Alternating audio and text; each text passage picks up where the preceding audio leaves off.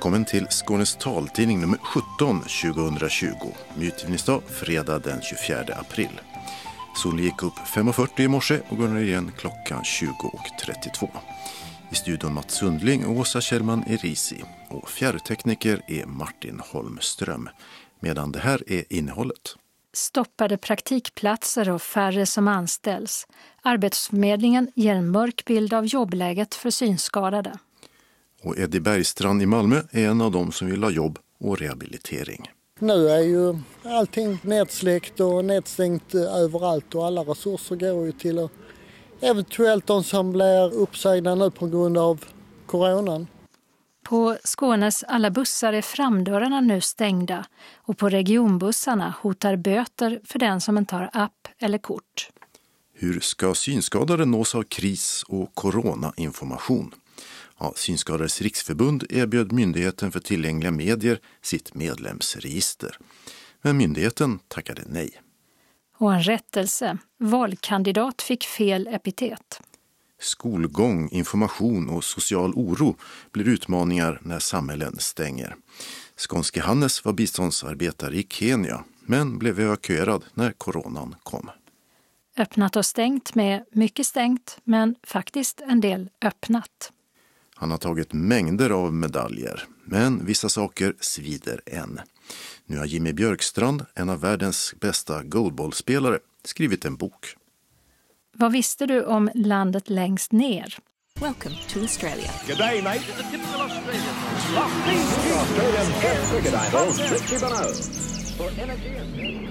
Vi ger de rätta svaren och drar vinnarna i vår påsktävling som ju hade Australien som tema. Och så har vi en annons om en inläst tidskrift. Evenemangstips med fågelnatt och digital valborg. Och kalendern med blomstermånad och bakelsedag. Anslagstavlan med meddelanden och ändringar i kollektivtrafiken. Och idag är den lokala delen gemensam för hela Skåne. Och allra sist redaktionsrutan. Arbetslösheten stiger som bekant brant i coronapandemins spår. Men än ser man inte högre arbetslöshet bland personer med synnedsättning. Det som däremot har förändrats är att det har blivit väldigt svårt att få praktik eller nytt arbete efter en praktik för personer med synnedsättning. Katarina Holmström är sektionschef för Syn, döv, hörsel Syd. Det är ju jättetråkigt, bland annat eh, våra SIUS-konsulenter har ju märkt av att de som, som de ska stötta och hjälpa in till ett arbete via praktik, där går inte praktiken vidare till arbete utan man avbryter jobben. Så att där märks det väldigt tydligt. Och likaså att det är ju jättesvårt att få eh, arbetsgivare till de här åtgärderna som praktik. För de vill ju inte ha, precis som i övriga landet så vill man inte öppna upp med, med mer kontakter. Så att tyvärr är det så att eh, blir inte så mycket praktiker eller så avbryts de. Om eh, praktikplatserna avbryts, vad är mm. anledningen till det då, att de avbryts? Anledningen är att arbetsgivarna inte vågar anställa på grund av eh, läget, pandemin som är. Alltså det är ju oro över hela arbetsmarknaden. Så man vågar inte. Det jag kan säga det är ju att mina SIUS-konsulenter som ska stötta och hjälpa, de är ju nästintill sysslolösa till vissa delar på grund av att vi inte kan jobba ut personer på arbetsmarknaden nu. Dels så ska vi ju inte utsätta oss eh, för, för mycket kundytor så att säga. Och sen vill ju inte arbetsgivaren heller att vi kommer dit och besöker. Så att det har ju avstannat avsevärt så det är ju jättesvårt idag att, få ut personer. Så det är ett eh, väldigt besvärligt läge? Ja. Och i ett läge där arbetslösheten snabbt stiger så har man börjat omfördela personal inom Arbetsförmedlingen som ska hjälpa till att skriva in alla som blivit arbetslösa. Och nu har det också fattats beslut om att en hel del SIUS-konsulenter alltså särskild stödperson för introduktions och uppföljningsstöd, under en period ska få nya arbetsuppgifter. Det innebär ju en extrem eh, situation för Arbetsförmedlingen nu att möta upp både sökande och arbetsgivare. Det är ju över 95 000 som är nyinskrivna arbetslösa från 1 mars. Och eh, naturligtvis så måste vi se över de, eh, att omfördela personalen så vi kan möta upp de här personerna i sin arbetslöshet och ta emot varsel men även möta upp arbetsgivarna. Har man redan börjat omfördela personal på Arbetsförmedlingen? Ja, de som tidigare har erfarenhet av att jobba inom det här området, att eh, vi kallar det för personlig distansservice, det vill säga digitalt ta emot och prata med kunder, så har ju redan, det är 700 resurser som de räknar med att de behöver nu under den här svåra tiden. Och då har man redan börjat så att säga av de som har tidigare erfarenhet. Men det räcker inte utan då behöver man och tagit ett svårt beslut att man även behöver se över eh, och ta hjälp av SIUS-konsulenterna under en begränsad period.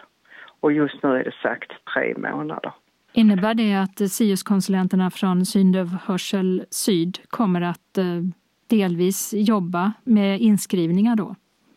Det är taget ett nationellt beslut att eh, SIUS ska gå in och hjälpa till men sen är det inte taget några beslut regionalt om eh, när, var och hur de här resurserna ska föras över. Så därför vet jag inte ännu. Men det är ju inte omöjligt att även syndöv hörsel-SIUSarna får hjälpa till.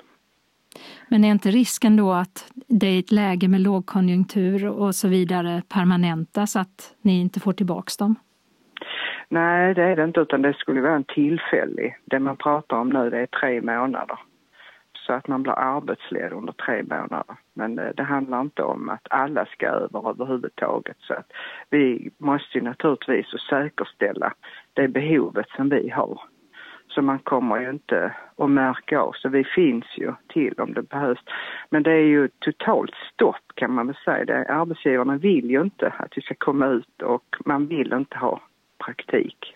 Det som är positivt är att jag inte kan se en ökad arbetslöshet bland de som är redan är i arbete, bland synskadade. Jag kan inte se de siffrorna, inte idag i alla fall.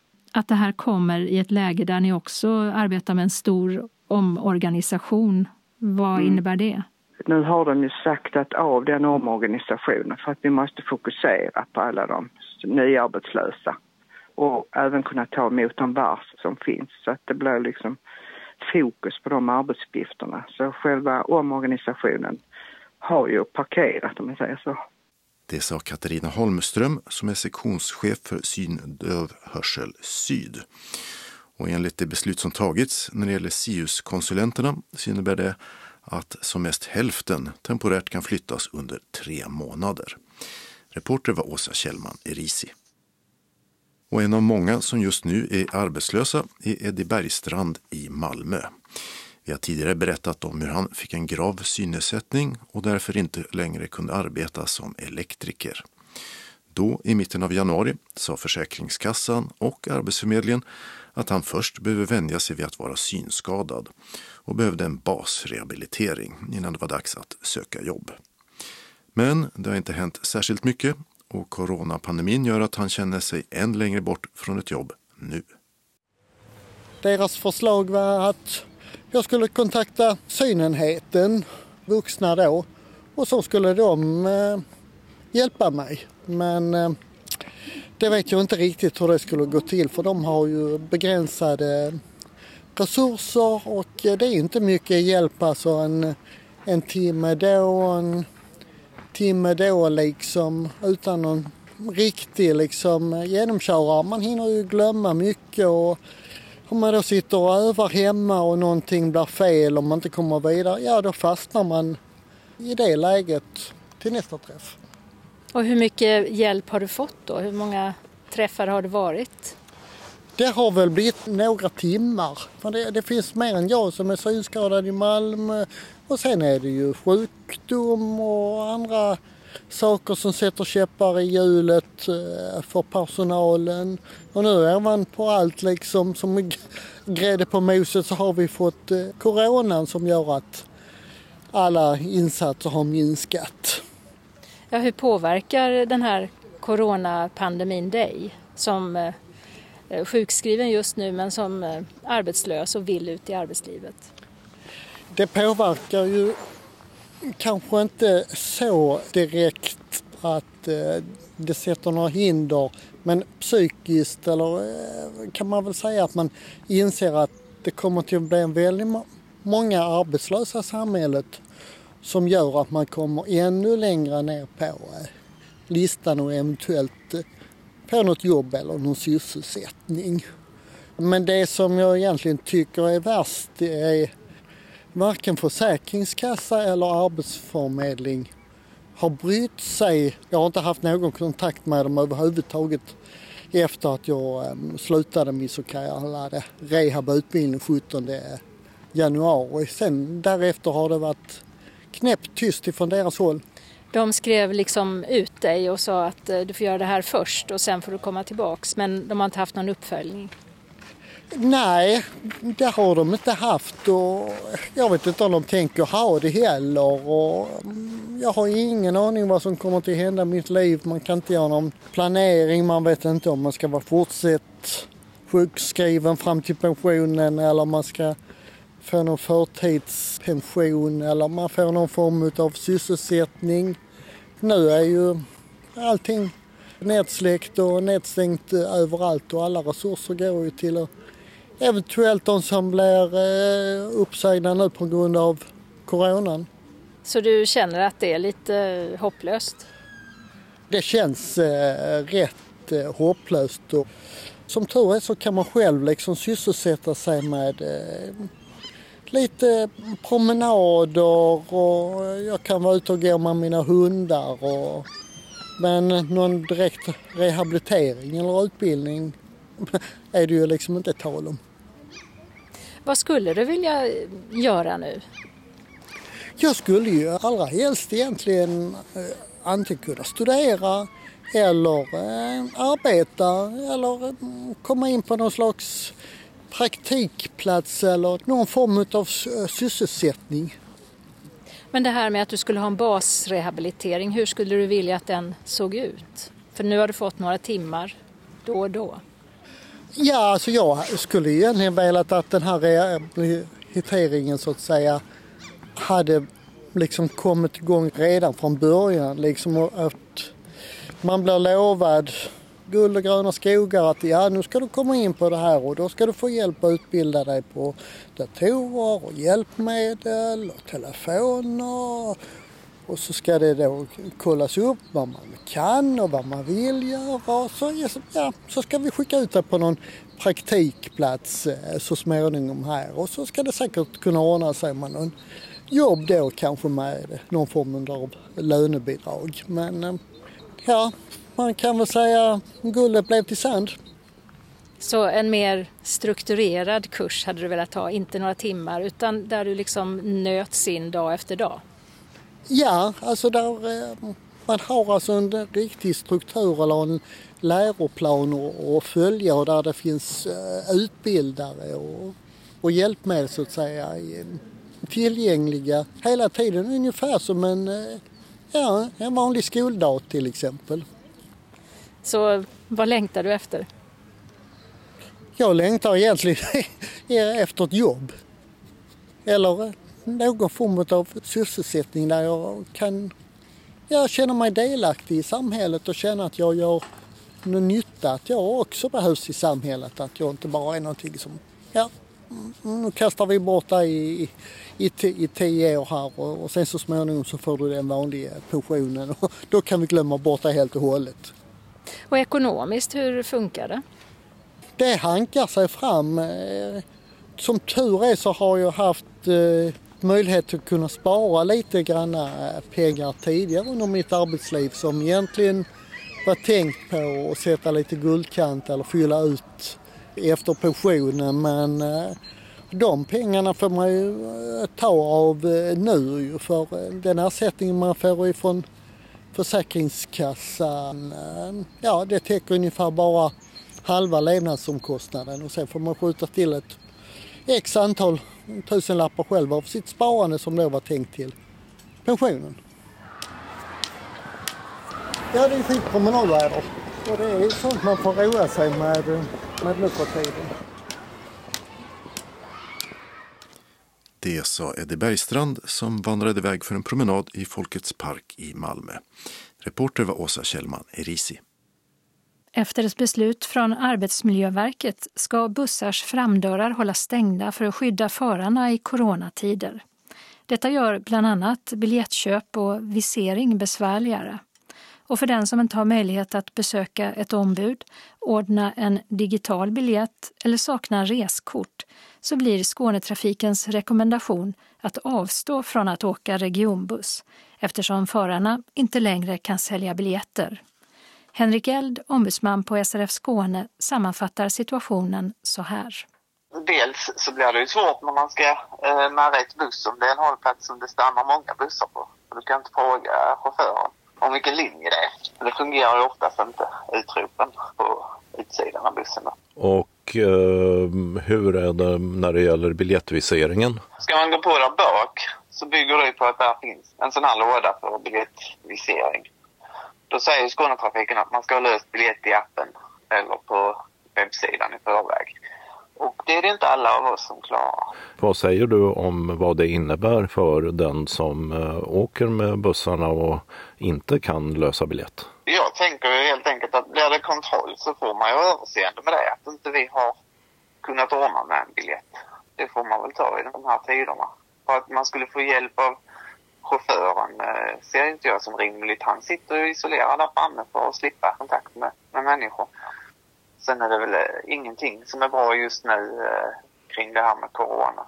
Det är många saker som blir mer komplicerade. Detta är en av dem. Det sa Henrik Eld, ombudsman på SRF Skåne. Mattias Henjus, som är Skånetrafikens pressansvarige, kommenterar läget i busstrafiken så här. Hela vårt bussystem bygger på att man går på fram.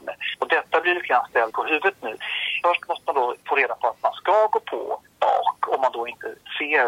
Sen när man går ombord på bussen, på stadsbussarna så är ju validatorerna redan flyttade i stort sett. Så där kan man ju validera sin biljett som vanligt.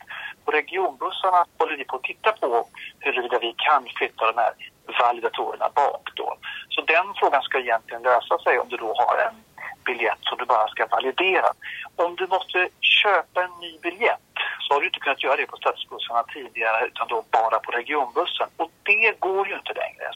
Och då måste du helt enkelt se till att innan du reser i denna exceptionella situation måste du som resenär se till att du har en biljett redan. Köpa då i vår app eller via vår hemsida eller ombud eller automat. Och den biljetten måste du dessutom ha aktiverat när du går ombord.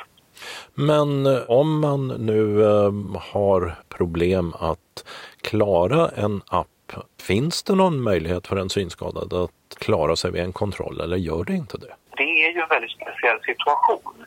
Det här kräver lite mer av Skånetrafiken, det kräver lite mer av alla våra resenärer. Så en sak det kräver då är att man har köpt en biljett redan när man kommer till regionbussen. Men fortfarande, om man inte har tillgång till en automat, om man inte har tillgång till en app och det blir kontroll och man har en synskada, då får man en kontrollavgift. Om du inte lyckas köpa en biljett på något möjligt sätt så kan jag inte rekommendera dig att åka med våra tåg och bussar. Nu låter det ju väldigt hårt. Jag hoppas att alla människor ändå har en möjlighet att köpa en biljett på något sätt. Nu har ju möjligheten att köpa om föraren på regionbuss. Den möjligheten har ju försvunnit. Då måste jag ändå hänvisa vänligt till eh, de kanaler vi har. Vi har eh, fått indikationer på att eh, avspärrningarna som sätts upp i eh, bussarna kan hamna lite var som helst. Och det här gör ju att handikappplatserna kan hamna bakom avspärrningarna så att man inte kommer åt dem. Jag känner inte igen riktigt bilden, för det som är beslutat är att två rader ska spärras av. Och det borde betyda att de platserna i mitten av bussen ska inte vara spärrade. Det kan ju bli så att platserna längre fram kan då hamna där. Men det är som sagt de två främre raderna, det är det som är beslutat. Ni skriver på er hemsida att eh, förare ska hjälpa personer med funktionsnedsättning om det behövs. Men kan man lita på det? Avspärrningarna är ju faktiskt till för att eh, främst skydda förarna. Kommer de att vara villiga att lämna sin plats och ge det här stödet? Vi har i våra dialoger med trafikföretagen varit tydliga med att vi förväntar oss att förarna gör precis det som de har gjort tidigare, men hjälper de personer som behöver extra hjälp. Det kan ju vara då med att öppna dörren om man ser att någon då har en synnedsättning för att meddela att de ska kliva på längre bak. Men det kan också vara för att ta fram en sån här ramp eller låsa fast en rullstol. Skulle någon av våra kunder uppleva någonting annorlunda så vill vi jättegärna veta det såklart. Det sa Mattias Hennius, presschef på Skånetrafiken. Vi hörde också Henrik Eld, ombudsman på SRF Skåne. Reporter var Dodo Parikas. Hur ska synskadade få information om coronaviruset på ett tillgängligt sätt? Ja, Synskadades riksförbund erbjöd Myndigheten för tillgängliga medier tillgång till sitt medlemsregister för att de skulle kunna skicka ut coronainfo. Men myndigheten tackade nej. Även om det hade varit möjligt att göra ett sådant utskick så anser vi inte att vi ska bedriva kommunikation direkt till brukarorganisationers medlemmar. Ja, så skriver MTMs kommunikationsstrateg Eva-Lena Silverfelt i ett mejl till Skånes taltidning om beslutet. Och Synskadades riksförbunds kanslichef Ulrika Norelius Centervik i Stockholm säger så här om varför de kunde tänka sig att lämna ut medlemsregistret till MTM. Vi diskuterade det väldigt noga i vår ledningsgrupp för att det är ju så att våra medlemmar har ju inte bett om den här informationen och vi är väldigt, väldigt försiktiga med vad vi skickar ut. Samtidigt så är ju det här en exceptionell situation som vi inte har befunnit oss i tidigare och då tänkte vi att det är viktigare att alla medlemmar får den här informationen på ett media som man faktiskt kan läsa eftersom att synskadan ju är ett eh, informationshandikapp i första hand. Så kändes det väldigt viktigt så att vi såg det som en force majeure situation kan man säga där vi bedömde att eh, informationen var så viktig för våra medlemmar så vi var beredda att göra ett undantag från att inte lämna ut de här uppgifterna. Men medlemmarna har ju inte sagt ja till att Eh, deras eh, uppgifter ska ges till en myndighet. Hur såg ni på det? Som sagt, vi ser väldigt allvarligt på det och väldigt viktigt att medlemmarnas uppgifter är skyddade. Så vad vi hade tänkt att göra om MTM hade velat göra det här, det var att MTM hade fått skriva under ett så kallat personuppgiftsbiträdesavtal där man då skriver under att man använder de här uppgifterna en gång och sen så förstörs de helt enkelt. Och när det nu inte blev av att eh, göra det här utskicket till alla era medlemmar via MTM, vad tycker du om att de sa nej? Det viktigaste för oss det är ju att så många som möjligt får del av den här otroligt viktiga informationen som ju alla i samhället har rätt att eh, få del av. Och jag vet att eh, MTM har vidtagit en massa åtgärder för att eh, se till att det blir så. Så jag hoppas att deras bedömning är att alla som har en synnedsättning får del av den här informationen. Vi erbjöd den här möjligheten. De valde att göra på ett annat sätt och då hoppas jag att det blir så, så bra som möjligt. Framåt då, hur eh, ska ni göra för att veta om era medlemmar tycker att det är okej okay att deras eh, uppgifter kanske lämnas ut i ett eh, extraordinärt läge? Ja, och det här är ju verkligen ett extraordinärt läge som vi hamnade i nu. Framåt så kommer vi att eh, vara väldigt noga med det här. Vi håller på att implementera ett nytt eh, medlemsregister som ska vara i drift eh, i slutet på året här. Och då så kommer vi också att skicka ut eh, medgivanden som det heter till våra medlemmar där man kommer få fylla i vilket slags information man vill ha och vilken man inte vill ha helt enkelt. För det är ju viktigt för oss att ha koll på det. Och innan det här hände med coronakrisen så hade väl ingen kunnat ana att det kunde hamna i ett sånt här läge. Men det kommer vi självklart ta med oss nu framåt för att eh, se hur vi kan täcka in sådana här exceptionella situationer. Det sa Synskadades riksförbunds kanslichef Ulrika Norelius Centervik. Reporter i inslaget var Dodo Parikas. Och vi ska tillägga att den som vill ha coronainformation från Myndigheten för samhällsskydd och Folkhälsomyndigheten i punktskrift eller på CD kan göra en beställning på MTMs kundtjänst. Telefon 040-653 27 20. Det man kan beställa på CD är Folkhälsomyndighetens faktablad, nämligen om det nya coronaviruset och sjukdomen covid-19 och undvika att bli smittad och att smitta andra. Och du som är 70 år eller äldre.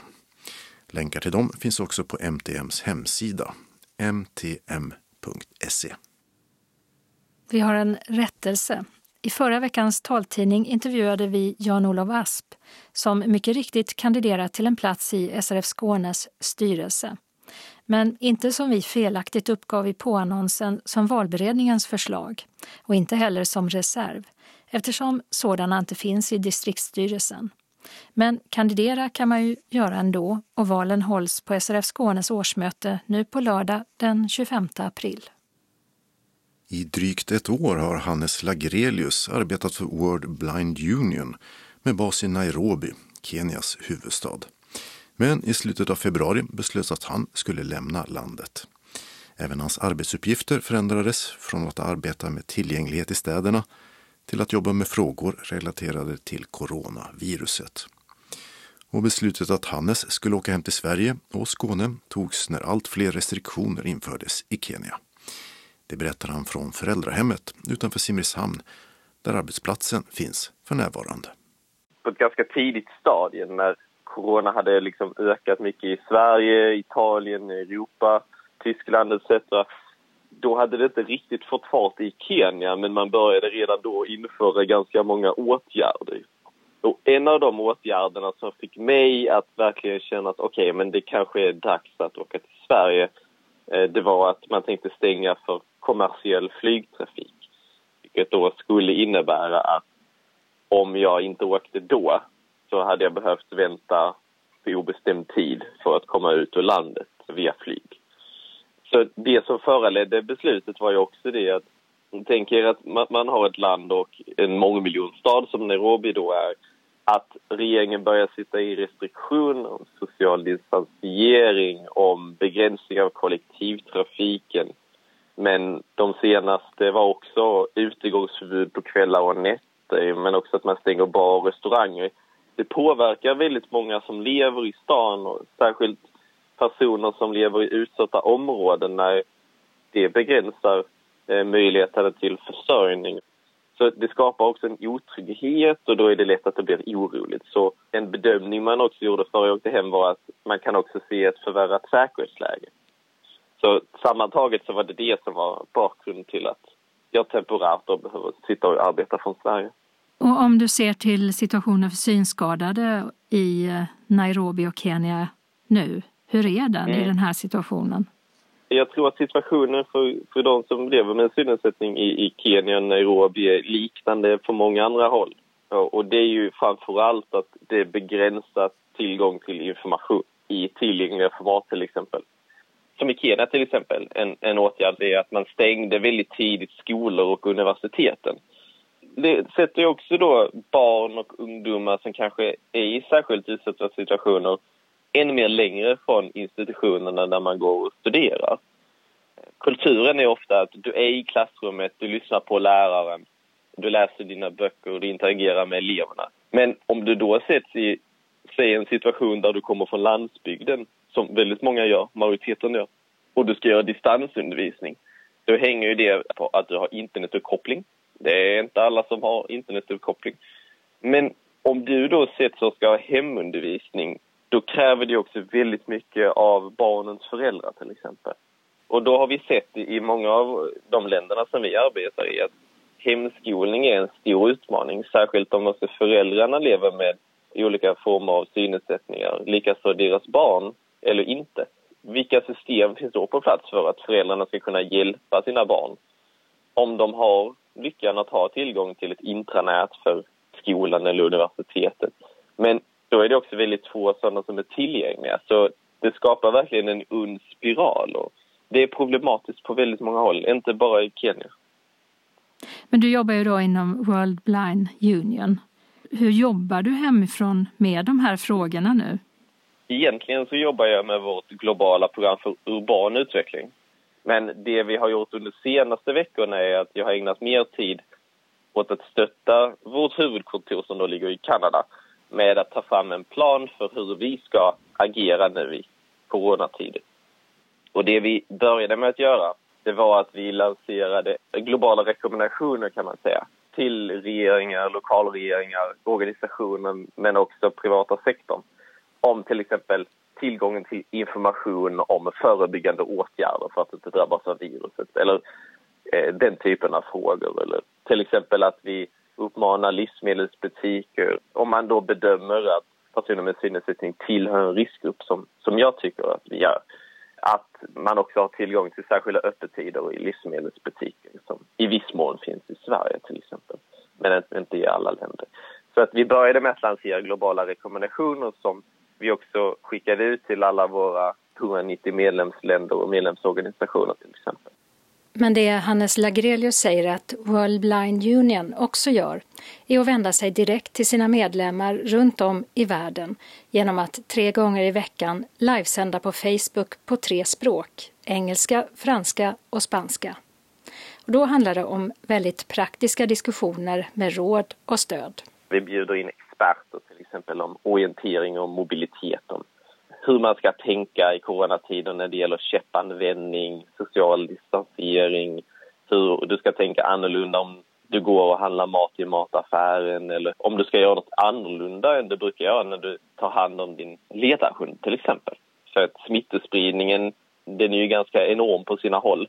Så hur ska man tänka kring hygien till exempel? För att det vi kände då var att många organisationer arbetar med liksom påverkansarbete. Men vi kände att vi ville göra något praktiskt, något som var till nytta för våra medlemmar direkt. Så då vill vi sprida liksom resurser och tips och rekommendationer som, som berör folks vardag. Vad är, skulle det kunna vara för tips just när man går med vit käpp? Ja, alltså det jag frågade vår expert häromdagen från, från USA, det var hur ska vi då, och jag som person med synnedsättning, tänka kring social distansering? Då nämner han först och främst att något vi kan tänka på när vi käppar är att käppen, om den är tillräckligt lång, kan också vara ett verktyg för oss. Att vara ett sätt att mäta ut den sociala distanseringen. Så att vi inte kommer så nära andra personer. Så att man kan se käppen som, som ett verktyg att också hålla distansen om du är osäker på vad de andra är till exempel. Det han också nämnde var att det är extra viktigt i dessa tiderna att hålla käppen väldigt ren. Oftast är det kanske att vi tvättar eh, handtaget på käppen men i dessa tider så kan det vara rekommenderat att, att kanske tvätta hela käppen med handsprit så fort du har varit ute till exempel. Eller med tvål och vatten för den delen. Och den typen av liksom hygienråd ska, bör också gälla enligt honom koppel och selar till ledarhundar. Du sa det här att du tycker att eh, personer med synnedsättning ska tillhöra riskgrupp. Det gör man ju inte i Sverige. Vad är det som gör att du tycker att man ska tillhöra en riskgrupp? Ja, alltså jag kan ju bara tala för mig själv i det här läget. Men jag tänker alltså övergripande att majoriteten av personer med olika funktionshinder bör betraktas som en riskgrupp. Jag ser på många håll i världen idag, i de informationsflöden jag får, att i det här speciella läget så är det också att våra behov och kanske våra hälsobehov nedprioriteras i vissa sammanhang som leder till att vi nedprioriteras i vårdsystemen i dagsläget för man behöver prioritera coronarelaterade frågor. Och det leder också till att vi löper större hälsorisker om vi inte får tillgång till den nödvändiga vård vi behöver. Men det här med att tillhöra en riskgrupp var faktiskt en, en, diskussion som vi hade innan jag evakuerades tillbaka till Sverige. Och det är också det här att många är beroende av andra personer i sin vardag till exempel. Du har ofta en större exponering för att drabbas av smittan. Särskilt personer som, som lever själv och blir som sagt beroende av andra personer. Kanske inte att vi har underliggande hälsofaktorer, men vi löper en större risk för att få smittan, skulle jag säga. Möter du mycket oro när du pratar med personer i andra länder och så kring situationen? Det skiljer sig ganska mycket för länder har ju väldigt olika typer av rekommendationer eller, eller lagar för den delen. Men den oro jag möter är ju verkligen en oro för att man förlorar inkomstmöjligheter och att du förlorar studieplatser på skolor och universitet. Det har ju ganska stora konsekvenser för framtiden. För oron som finns handlar ju väldigt mycket om att vi inte vet hur länge det här kommer att hålla på i lika stor utsträckning som idag. Jag skulle säga att det gör folk mer nervösa, i alla fall i mina nätverk, än att drabbas av smittan i sig. Någonting jag också ser bortom oron är ju att det här liksom nya miljön som vi nu sitter i, det, det skapar mer psykisk och mental ohälsa. Och det är någonting vi alla måste bearbeta för att ta oss igenom det här men också se att det finns en, en, finns en morgondag helt enkelt. Och Hannes Lagrelius vill återvända till Nairobi igen så fort Kenya öppnar för kommersiell flygtrafik. Vill man följa World Blind Unions direktsändningar så kan man göra det genom att söka upp organisationens hemsida på Facebook och lyssna antingen live eller i efterhand. Reporter var Åsa Kjellman, Erisi. Öppnat och stängt. Klädkedjan MQ, eller Market, som den döptes om till i vintras, har gått i konkurs och stängt samtliga butiker. Möjligen i väntan på utförsäljning eller att någon tar över. I Skåne rör det sig om butikerna i Burlöv centrum, på Väla och på Kullagatan 13 i Helsingborg, på Fryksholmsgatan i Hässleholm, den i Höllviken, på köpcentrat C4 och på Östra Storgatan i Kristianstad, på Nova Lund och på Stora Södergatan i Lund, Center Syd i Löddeköpinge, i Malmö på köpcentrarna Hansa, Mobilia, Triangeln och Emporia, liksom outleten i Jägersro. I Trelleborg har man stängt butiken på Algatan, i Ystad på Stora Östergatan och slutligen i Ängelholm butiken på Storgatan. I Hässleholm har Café Verum på det gamla regementsområdet stängt efter att ha drivits av Hässleholms IF i flera år. Adressen var Jungfrugatan 14. Öppnat har däremot Torups slottscafé vid Bokskogen. Det har varit stängt sedan 2018 men nu har nya ägare öppnat åtminstone för sommarsäsongen. Och I Höganäs har puben och pizzerian Shakespeare öppnat på Väsbygatan 2 vid Gruvtorget. Eller den så kallade Arnbergs hörna där senast restaurang Vedung legat tidigare. Shakespeare fanns fram till förra året på knutpunkten i Helsingborg. En av Sveriges och världens bästa goalballspelare har skrivit en självbiografi. Under sina tre decennier i sporten har Jimmy Björkstrand hunnit vinna 14 SM och fem Champions League-finaler med sitt FIF Malmö. Och med landslaget vunnit VM och tagit internationella medaljer i mängd, bland annat i tre Paralympics. Trots att handikappidrott från början inte alls var något för honom och karriären inte saknat motgångar. Boken heter Guld tar man, silver får man och kommer ut om ett par veckor. Själva boken är ju om min goalballkarriär då och eh, det har väl legat och gått lite här eh, de sista åren. Sen är det många runt omkring mig, gamla spelare och andra vänner som har varit på mig och tyckt att det borde du absolut göra. Dels för att du har ett bra liksom, språk när du skriver och är intressant och sen har det ju hänt väldigt mycket under de här, ja, under de här eh, åren då som har gått under hela karriären. Så det, det skulle vara intressant att läsa om tyckte de. Så att det är väl två av anledningarna. Liksom. Mm. Ja, en lång och intressant karriär kan man säga under, vad blir det, tre decennier från en debut 93 till eh, förra året och SM-finalen.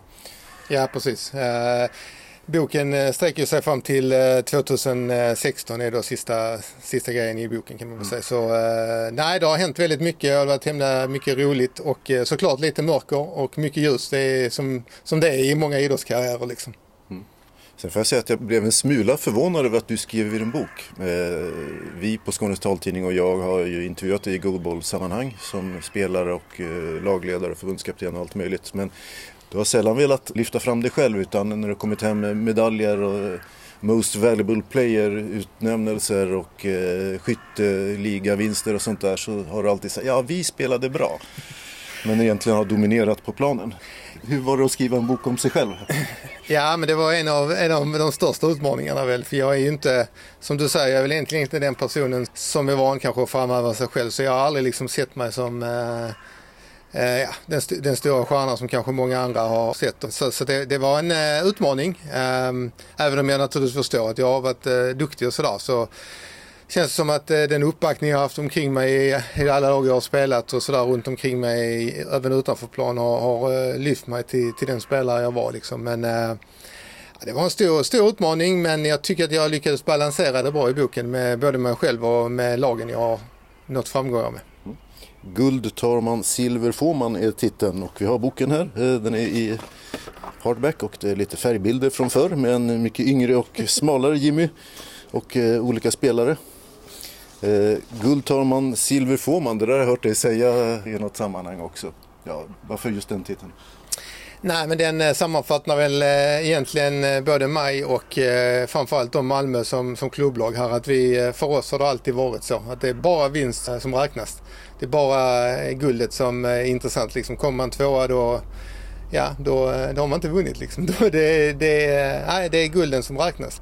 Det är ju med den inställningen jag växte upp med och ända sedan jag föddes har det bara varit liksom att vinna. Och, vi hamnade med, med brorsan i många bråk när vi var små om, om regler och så när vi spelade Fia och sånt. För allting handlar bara om att vinna liksom. Och vann någon annan då var det fusk.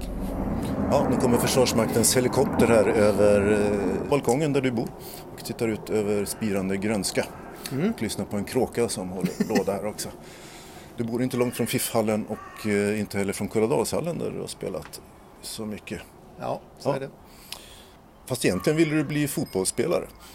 Ja, det vill jag verkligen när jag var eh, yngre. Jag provade ju på mamma och, och familjen i stort. De lät mig ju testa alla möjliga idrotter när jag var liten och jag älskar ju alla idrotter.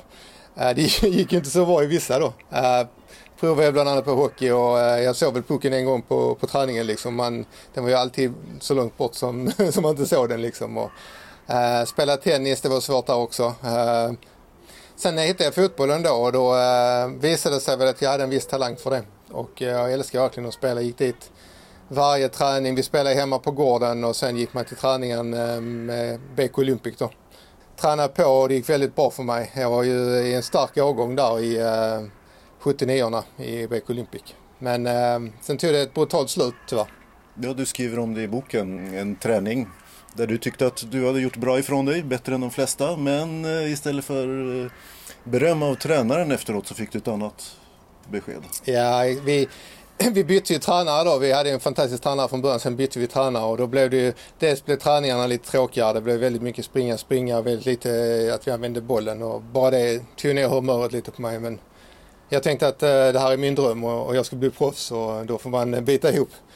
Eh, men nej, sen fick vi den här nya tränaren då som hade väl ett äh, agg i sidan lite till mig från början med, just med tanke på synen. Men sen så eh, då en övning när det hade gått dåligt för laget men bra för mig så kallade han, sig till- kallade han till sig mig och då tänkte jag att oh, nu ska jag äntligen få lite beröm här.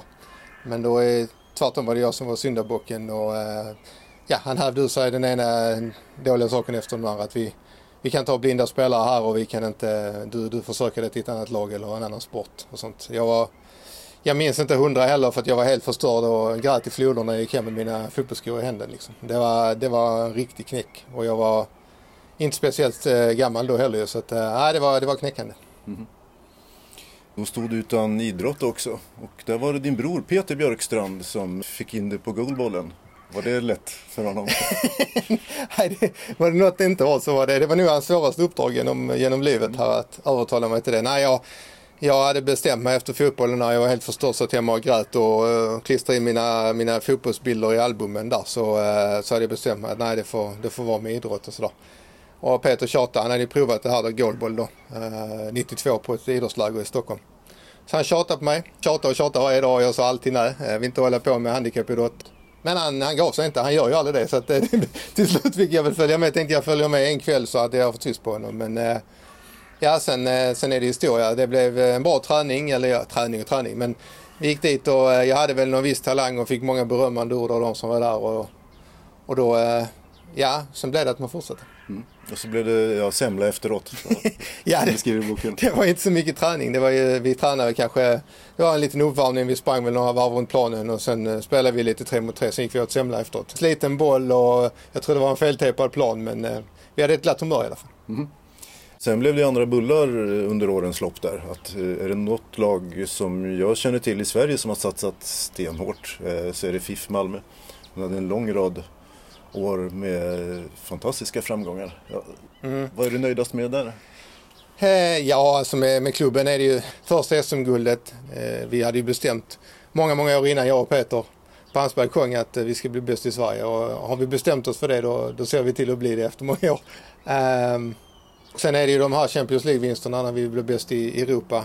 Eh, då eh, vinner vi, vi vinner där fem, fem år, den här största tävlingen i Venedig. Jag står här och kikar in genom balkongdörren och du har ett prisskåp med en del saker som jag drar dig till. Ja. Du brukar inte vilja skryta så mycket men det finns väl en del här att peka på. Det kan inte vara hela prissamlingen. Nej, det finns, vi håller på att göra om lite så det finns, det finns en hel, jag vågar knappt säga det, men en stor, en och en halv kartong pokaler på, på vinden som vi, som vi ska få göra plats till här kanske. Jaha. Och vad är det som har fått plats här i skåpet? Nu öppnar jag dörren här och... Ja. Här är ju då eh, Paralympics-medaljerna, de tre som eh, vi har lyckats spela till oss då. Sen har vi mm. VM-guld och där kan vi se Paralympic Games Sydney. Står det på en. Precis, det är, det är bronset från Sydney 2000 där. Tjusigt. Och sen har vi, ja sen har vi då, eh, där har vi VM-guldet från Rio. 2002 om jag minns rätt. Och det är ju då en glas, eh, ska man säga en glasbit. Så det är ju ingen med, ja, medalj är det ju men det är ju en annan sorts medalj än de andra kan man väl säga. Mm. Och sen har vi eh, från Peking tror jag där 2008. Den såg mer ut som en medalj. Ja, exakt. Ja, och sen har vi ju då det här silvret som är omtalat som jag inte tittar på så mycket. Men eh, det finns ju här. Tror jag. Och det är väl, det är väl från, eh, ska vi se, här har vi det, från eh, Aten ju. Paralympics Aten 2004. Precis, det har jag gömt så långt på. Nej, det har jag inte gjort men eh, det är väl det som jag undras att titta på om man säger av medaljerna. Det Kanske den finaste medaljen du har också? Paralympiskt silver? Ja, alltså, nej, vi har ju VM-guldet då. Ett guld är ju alltid guld. Det går liksom inte riktigt att jämföra guld och silver. Okay, ja. men eh, nej, men det är klart att det är fantastiskt att ha, eh, ha ett silver. Uh, och dessutom har jag förmånen att ha två brons också så det är fantastiskt. Men det här skulle ju varit ett guld. Mm. Du skriver i boken att du var på din karriärstopp där då. Fysiskt och ja, på alla sätt. Ja, det var ju jag, det var så mycket just runt omkring hela det mästerskapet. Jag var, jag var, min, jag var som bäst som spelare. Jag uh, gjorde en fantastisk final. Uh, fem mål i den finalen, alla våra mål i den finalen. Och vi mötte Danmark och vi, vi borde ha vunnit men det blev inte så uh, tyvärr. Det, det är smartare, smartare än idag. Mm -hmm. medaljen är ganska snygg i alla fall. Det är Parthenon. På, alltså Akropolis i Aten som tittar ner från sin klippa. Ja, det stämmer bra. Nej, och det var så mycket runt omkring mig där som jag skriver i boken hemma också. Just i, just i den vevan med min mormor som gick bort precis när jag hade kommit hem med medaljen också. Så den betyder ju väldigt mycket den här, eh, tyvärr mest eh, negativa liksom, minnen om man säger så. Mm. Eh, om, man, om man missförstår det rätt. Men, ja. Eh, bäst när det gäller skulle jag vilja säga om dig. Ja, tack. Att när matcherna blir, blir stora så eh, växer du med uppgiften. Ja, men det är det som är roligt. Eh, det är de här stora matcherna man tränar och brinner för. Man går in på en eh, arena när det är 10-12 000 på läktaren som vrålar då. Och det gör inte så mycket att de är på motståndarna heller utan det är bara att de finns där och gör liv. Det, det, det, det brinner till i huvudet på något sätt. Det gör en flera, flera procent mycket bättre. Och jag skulle också vilja säga att jag har sett att du har hårda krav på dig själv.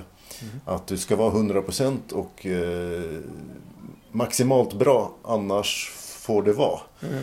Ja men det är verkligen så. Uh, gå in i något så gör det med 100%. Det gjorde jag med, vi fick frågan jag och Peter 2012 tror jag på hösten om att leda damlandslaget. Mm. Då tackade vi ja till det och då gick jag verkligen 100% in i det. Sen fick det ett abrupt slut ganska snabbt. Um, men du fick sparken? Det fick vi. Ja, det är lite oklart det också. Ja, Vi fick sparken men lite, eh, vi vet inte riktigt än idag varför riktigt. Vi har inte fått någon riktigt bra förklaring och eh, det, det är också en liten tagg i, i sidan här som, som, eh, som stör mig lite när jag tänker tillbaks. Hade det varit resultatmässiga anledningar så hade jag köpt det för vi, hade, vi gjorde inga bra start. Vi hade inte tillräckligt bra lag helt enkelt. Ehm, men det sa man uttryckligen att det inte var därför. Och då, då hade jag tycker i alla fall att man kan kräva att man får en bra förklaring. Men eh, det har vi inte fått än och eh, vi lär nog inte få det. Så att, eh, den taggen lär sitta kvar. Mm. Fyra Paralympics har du gjort. Mm.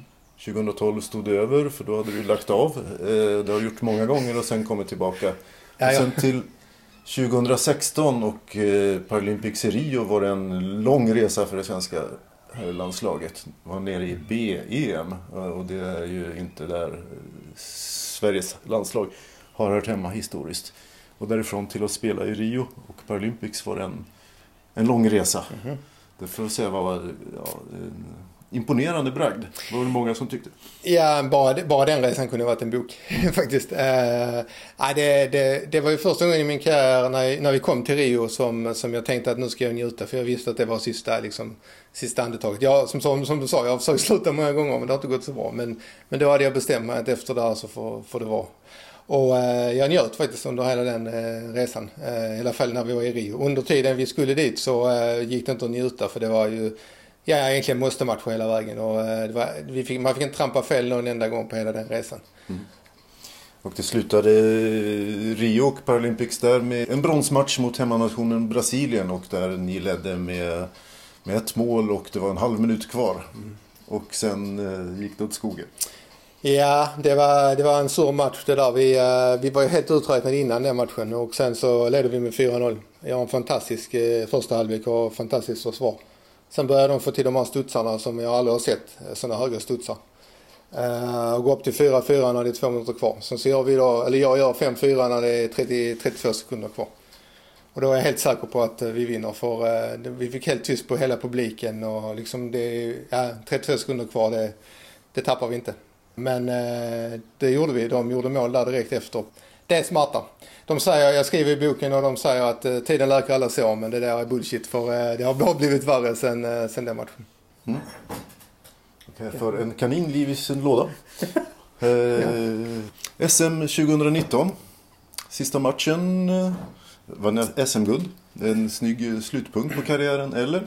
Ja, eh, nej men så känns det ju nu just här tuffa tider med corona och sånt så att eh, det vet man inte om det blir något spel i år överhuvudtaget. Eh, jag menar grundmässigt överhuvudtaget, allting är ju inställt. Mm. Så att nej, det, det, det, ser väl inte ut så idag. Nu eh, ser det ut som SM-finalen blev det sista och då, då blev det ett guld då. Och det, det, ska, det är ju det som gäller som sagt, så det, det får vi vara nöjda med.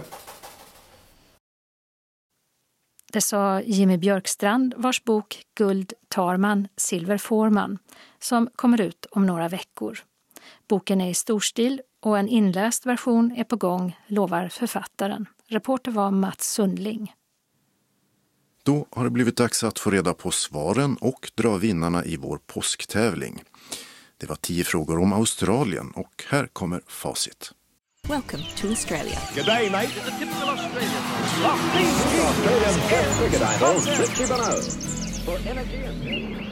Vi började med att fråga vem som räknas som Australiens upptäckare. Och rätt svar är James Cook, ett kryss. Under sin första expedition till Stilla havet lyckades han också upptäcka Stora barriärrevet genom att gå på grund där. Sen hörde vi det här instrumentet.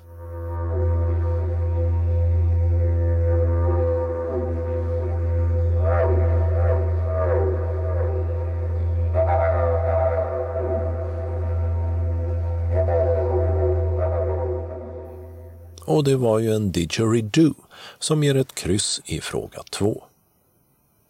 Tredje frågan gällde vad Australiens ursprungsbefolkning kallas och rätt svar är en etta, aboriginer.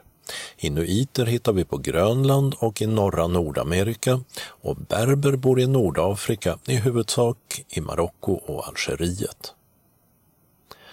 Sen var det en djurfråga där vi sökte namnet på den unika vildhunden som bara finns i Australien.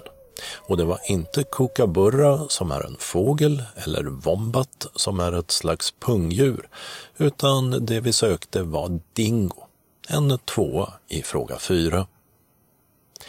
I femte frågan undrade vi vad namnet var på den australiensiska grupp som hade en hit på 80-talet med låten Down Under.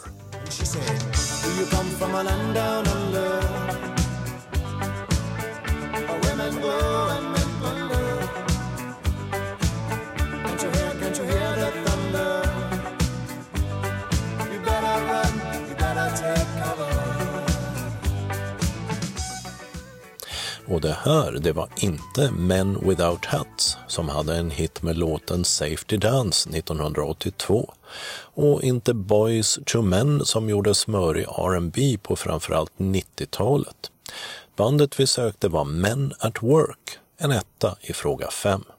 Det här var bandets första och största hit. Ett par år och ett par album senare splittrades bandet. Sjätte frågan handlade om Stora barriärrevet som faktiskt kan ses från rymden. Revet ligger på Australiens östra kust och vi undrade vilken delstat som revet tillhör. Och det är Queensland som är rätt svar på fråga 6, en etta. I fråga 7 hörde vi en annan australiensisk låt som var en världshit på 80-talet.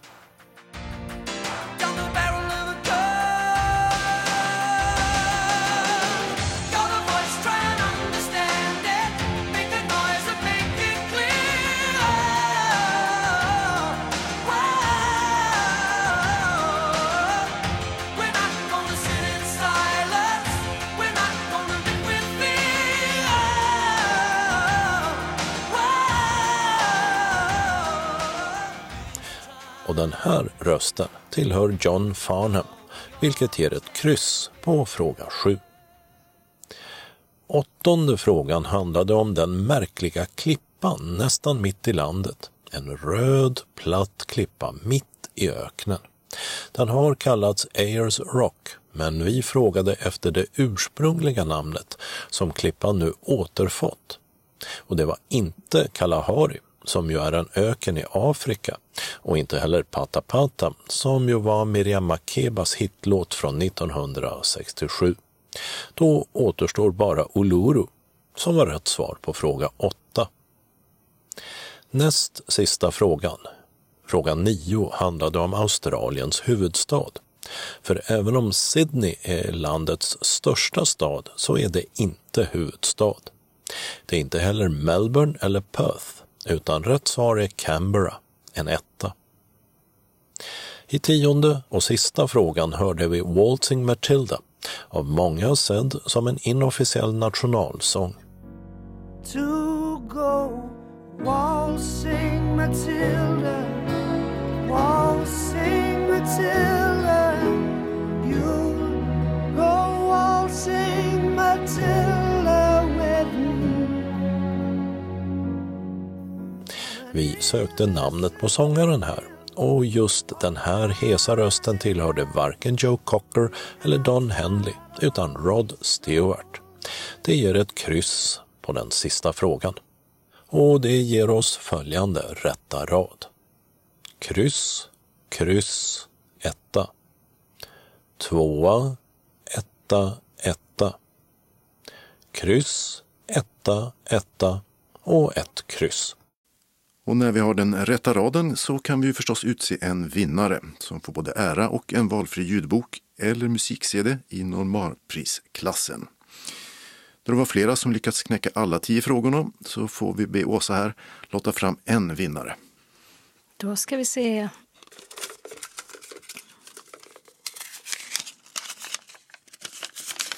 Här står att första pris går till Conny Jansson, Ängelholm, som får en ljudbok eller en CD. Ja, hör av dig till oss med vilket önskemål du har. Vi utlovade också ett andra pris som också det är en ljudbok eller musik-CD. Och det drar vi bland alla som skickat in, så vi häller över papperslapparna i samma byta. Då drar jag här. Och på den här lappen står Birgitta Ekenberg, Lund. Grattis till Birgitta också. Men inte nog med det, vi har dessutom ett tredje pris. Som är en t-shirt med Skånes taltidnings logotyp på. Ursnygg om jag får säga det själv. Även det drar vi bland alla inskickade svar. Då ska vi se. Och här står det Ingrid och Thomas Johansson, Norrköping. Då gratulerar vi dem också och så säger vi tack till alla som var med och tävlade. Och vi har en annons från Rocks reportage om tidskriften Skop som taltidning. Skop är Sveriges enda tidskrift om grävande journalistik. Här möter du människorna bakom de stora avslöjandena och får tips och råd för att bli en bättre grävare. Den ges ut av föreningen Grävande journalister som varje år delar ut Guldspadarna.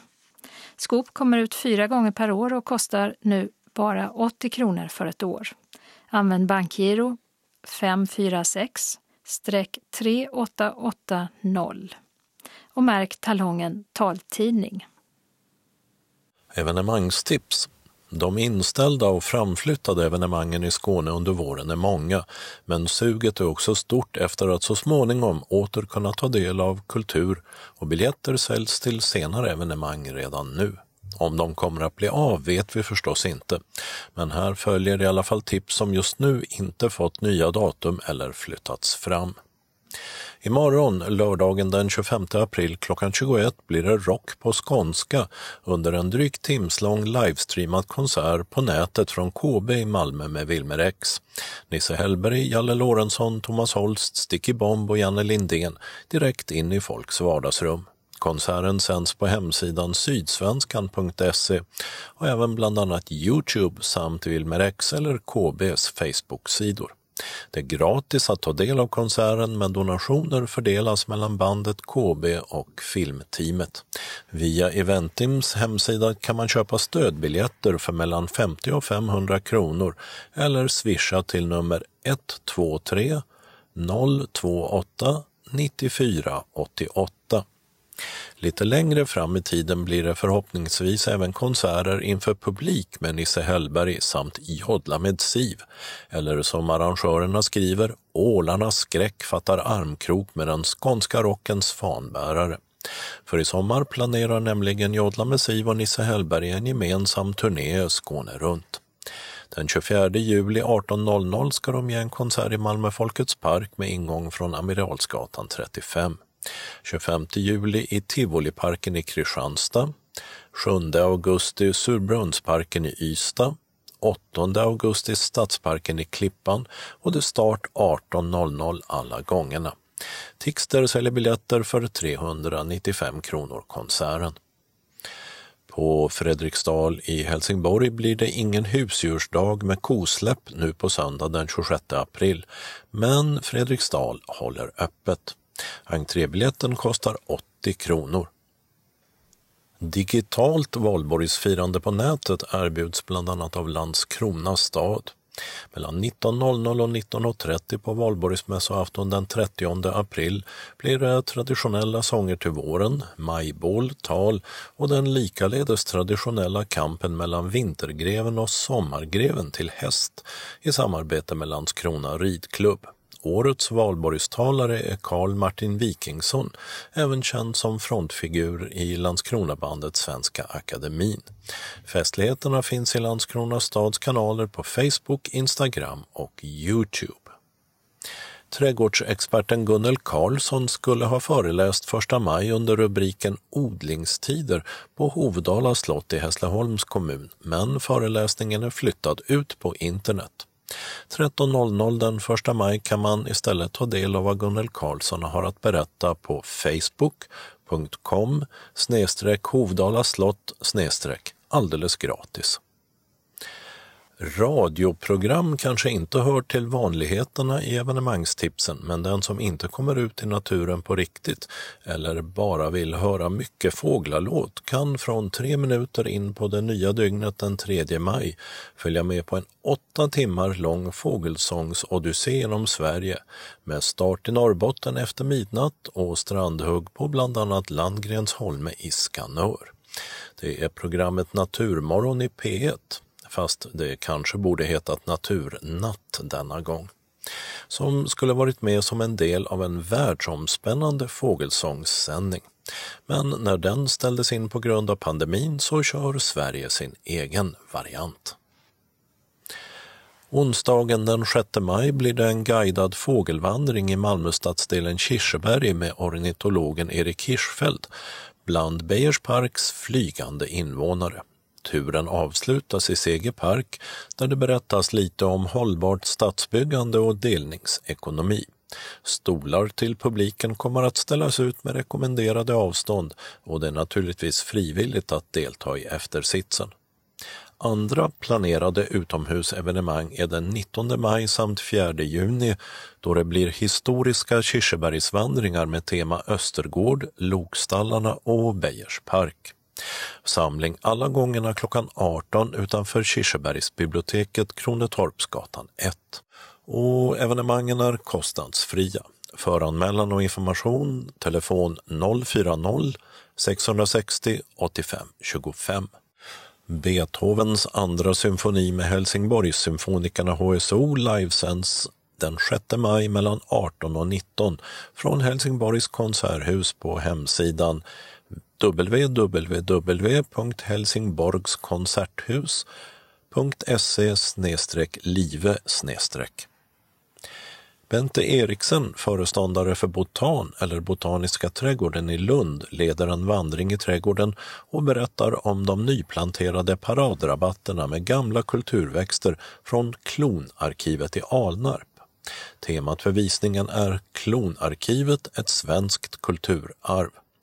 Torsdagen den 7 maj 17.30 är det samling utanför butiken i Botan. Medlemmar i vänföreningen Botans vänner kommer in gratis, andra får betala en 50-lapp. Lundaloppet den 9 maj är inställt. Även vårens konserter i Malmö Sankt Johannes kyrka intill Triangeln är inställda. Malmö by foot, alltså Malmö till fots, är två timmar och två kilometer långa guidade stadsvandringar i centrala Malmö med start utanför Sankt Petri kyrka och avslutning på Möllevångstorget. Planerade datum är för närvarande onsdagarna 27 maj, 24 juni, 15 juli samt 26 augusti med start 17 och 15. Och söndagarna 14 juni, 5 juli, 2 augusti och 27 september med start 15.00. Biljetterna kostar 140 kronor och säljs av Kulturcentralen. Arrangören kan nås på telefon 0708 43 50 20 och då kan man också boka eller diskutera en skräddarsydd tur efter egna önskemål. Sankt Petri kyrka finns på Göran Olsgatan 4 nära kanalen och Malmö centralstation. Den 28 maj 19.00 är det tänkt att Helsingborgs symfoniorkester ska spela Beethoven i Hässleholms kulturhus Röda salong. Och blir evenemanget av så är det fri entré. Det krävs dock biljetter och de ordnas via Kulturhusets biljettkassa. Stå-upp-komikern Petrina Solange från Degeberga och föreställningen Nu är jag här ska på turné i augusti och september. Många föreställningar är i princip redan fullbokade men till Kulturkvarteret i Kristianstad finns biljetter till den 11 september mellan 19.30 och 21. Även till 17 september samma tid på The Tivoli, Köpenhamnskajen 1 i Helsingborg. Likaså samma klockslag 24 september på Hotell Lundia i Lund och så till den 26 september mellan 20 och 21.30 på Babel, Spångatan 38 i Malmö. Biljetterna kostar 250 kronor och säljs av Nortic. Biljettinformation Tixter, telefon 0771 47 70 70. Nortic 0455 61 97 00. Hässleholms kulturhus 0451 26 66 70. Kalendern för årets artonde vecka börjar måndagen den 27 april då Engelbrekt har namnsdag. Ett ännu mer gammaldags namn, nämligen Antimus, firades denna dag fram till år 1865. 50 år fyller skaparen av ett av Sveriges mer framträdande klädmärken, även internationellt, Karin Rodebjer, och modemärket heter också Rodebjer. Tisdagen den 28 april är Tures och Tyras namnsdag. 85 år fyller den i Lund på 50-talet juridikutbildade Per Gustav, PG, Gyllenhammar, främst känd som tidigare Volvo-VD och därefter dess styrelseordförande. Till Volvo kom Gyllenhammar 1970 och det var han som gjorde Volvo till en typisk familjebil, gemenligen kallad sosse-container. Flera gånger vald till Sveriges populäraste person gjorde sig Gyllenhammar mindre populär i och med det tänkta samgåendet med franska Renault. Då var han inte längre VD utan styrelseordförande och affären blev inte av. Strax innan detta kungjordes avgick Gyllenhammar. Onsdagen den 29 april har Tyko, ursprungligen Tykius, namnsdag och 50 år fyller denna dag det tidigare tennisproffset amerikanen Andre Agassi. Lika mycket fyller den likaledes amerikanska och dessutom svenskättade skådespelaren Juma Thurman. Härom året ansökte hon om svenskt medborgarskap. Thurmans mormor står staty i Smygehuk, detta eftersom hon var modell för Trelleborgskonstnären Axel Ebbes skulptur Famntaget, en typisk nakenskulptur av 1930-40-tals typ av en till synes soldyrkande ung kvinna med utsträckta armar. Juma Thurman, känd från bland annat filmerna Kill Bill och Pulp Fiction, har även sagt att hon vill flytta till Sverige och kanske till Trelleborg. Torsdagen den 30 april är valborgsmässoafton, i år utan folksamlingar vid brasor. Kungen han fyller 74 år och även det traditionella firandet med militärmusik och blyga barn med blombuketter på Stockholms slotts yttre borggård är i år inställt.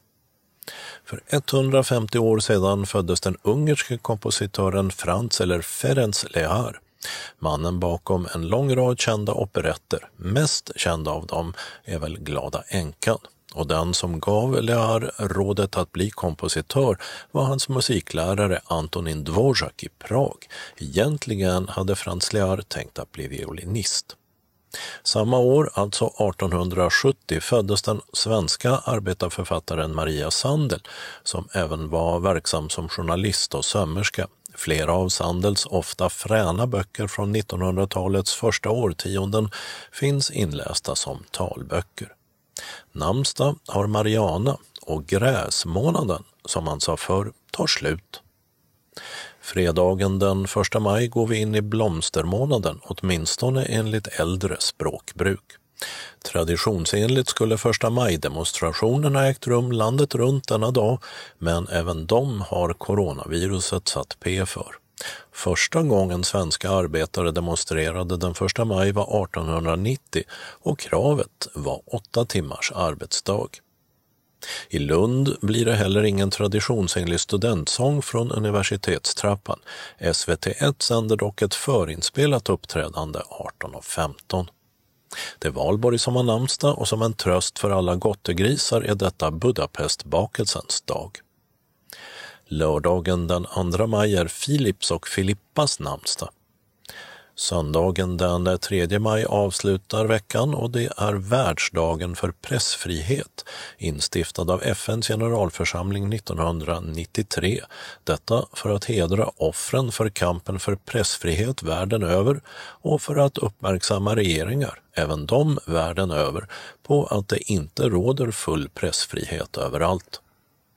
För 60 år sedan ratificerade Danmark, Norge, Portugal, Schweiz, Storbritannien, Sverige och Österrike protokollet för upprättandet av EFTA eller Europeiska frihandelssammanslutningen med syfte att underlätta och främja handeln mellan länderna.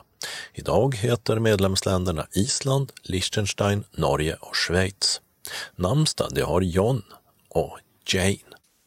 Och redaktör för evenemangstips och kalender var Dodo Parikas. Anslagstavlan för hela Skåne. Hej, använder du ledarhund? Vill du delta i en undersökning? Jag heter Finn Hellman och ska skriva min masteruppsats i sociologi om attityder till ledarhundsekipage i Sverige. Nu söker jag ledarhundsförare som vill dela med sig av sina erfarenheter. Det går att delta i undersökningen på två sätt. Antingen blir du intervjuad tillsammans med andra ledarhundsförare vid ett tillfälle. Eller så skriver du dagbok om att använda ledarhund och skickar till mig regelbundet. Ditt deltagande är anonymt utanför de andra i fokusgruppen. Väljer du dagboksmetoden är du anonym utom inför mig. Det ges ingen ersättning för ditt deltagande och du kan när som helst avbryta din medverkan om du vill. Genom att delta bidrar du till att kunskapen om attityder till ledarhundsekipage ökar. Någon liknande undersökning har inte gjorts på avancerad nivå tidigare i Sverige. Masteruppsatsen skrivs vid Göteborgs universitet och din medverkan behövs fram till den sista augusti. Har du frågor eller vill du delta, kontakta mig gärna per e-post. Adressen är finn med dubbel n, punkt Hellman med dubbel L gmail.com eller telefon 0709 699 544. Med vänlig hälsning Finn Hellman. Vi har ett meddelande från Kristianstads stadsbibliotek. Med anledning av smittrisken och att många deltagare ju hör till en riskgrupp så har vi bestämt att talbokscirkeln får ligga nere tills vidare. Vi hoppas att vi kan ta upp den till hösten men allt beror på om det kan anses vara lämpligt då. Hälsar Stefan Sjölund, ansvarig för talbokscirkeln. Den lokala delen av anslagstavlan är idag gemensam för hela Skåne. SRF Lundabygden bjuder in till SRF-träff måndag den 25 maj. Dags igen för promenadskorna med en liten rundvandring i Stadsparken i Lund, där den nordiska djungeln nu är klar. Vi träffas på Stadsparkscaféet med adress Stadsparksgången.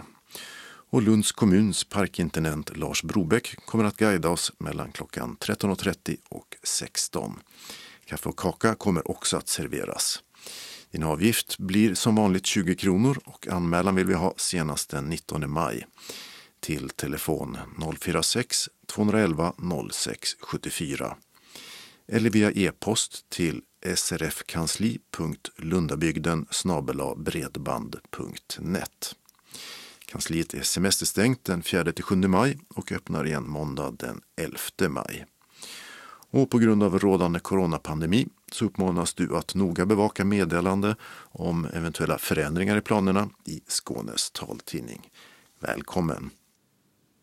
Synskadades förening SRF Malmö och Svedala meddelar att all verksamhet är inställd till och med den 31 maj. Styrelsen återkommer efter sitt sammanträde den 19 maj med ny information. Och SRF Ängelholm Båstad meddelar alla sina medlemmar på grund av den rådande situationen när det gäller coronavirus har styrelsen beslutat att ställa in alla aktiviteter till och med den 31 maj. Styrelsen kommer att ha ett nytt sammanträde den 20 maj och fatta ett nytt beslut. Du får gärna ringa till föreningens kamratstödjare Conny Jansson på mobiltelefonnumret 070-361 66 10. Och det numret är det enda han har numera. Vi rundar av med några tillfälliga ändringar i busstrafiken. Först i Svalöv där ett vägarbete på Onsjövägen drar ut på tiden. Och regionbuss 243 hållplats Bondessons väg fortsätter att vara flyttad i båda riktningarna. Läge A 75 meter framåt i bussens körriktning och läge B 75 meter bakåt. Den 4 maj klockan 7 ska nu den delen av arbetet vara klart och hållplatsen på sin vanliga plats igen.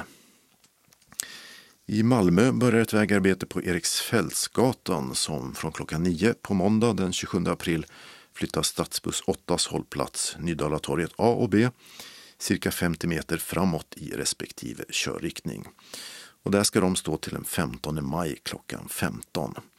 Samma arbete flyttar 8 hållplats Hermodsdal A cirka 100 meter bakåt. Och där blir den till den 30 april klockan 15 medan hållplatsen Fosie kyrka A under samma tid flyttar 50 meter framåt. Och på Sallerupsvägen i Malmö ska man asfaltera om och från den 28 april klockan 7 till klockan 15 samma dag stänger hållplatsen Ulrisedal läge B. För den som åker regionbuss 142 är närmsta alternativ hållplatsen Granbacken som ligger några hundra meter bakåt i körriktningen. För den som åker stadsbuss 6 är närmsta hållplats Dalvik B. Också där ska arbetet vara klart den 15 maj klockan 15. Och med det beskedet var det dags att sätta punkt för veckans Skånes taltidning. Nästa nummer kommer redan på torsdag i nästa vecka eftersom fredagen ju är första maj. Så eventuella meddelanden som tänks vara med i det numret ska vara oss tillhanda redan på måndag den 27 april. Skånes taltidning ges ut av Region Skånes psykiatri och habiliteringsförvaltning. Ansvarig utgivare är Martin Holmström. Postadress Jörgen Ankersgatan 12, 211 45 Malmö. Telefon 040-673 0970. E-post Skanes taltidning snabela skane.se och hemsida skanestaltidning.se. Vi hörs igen. Hej då!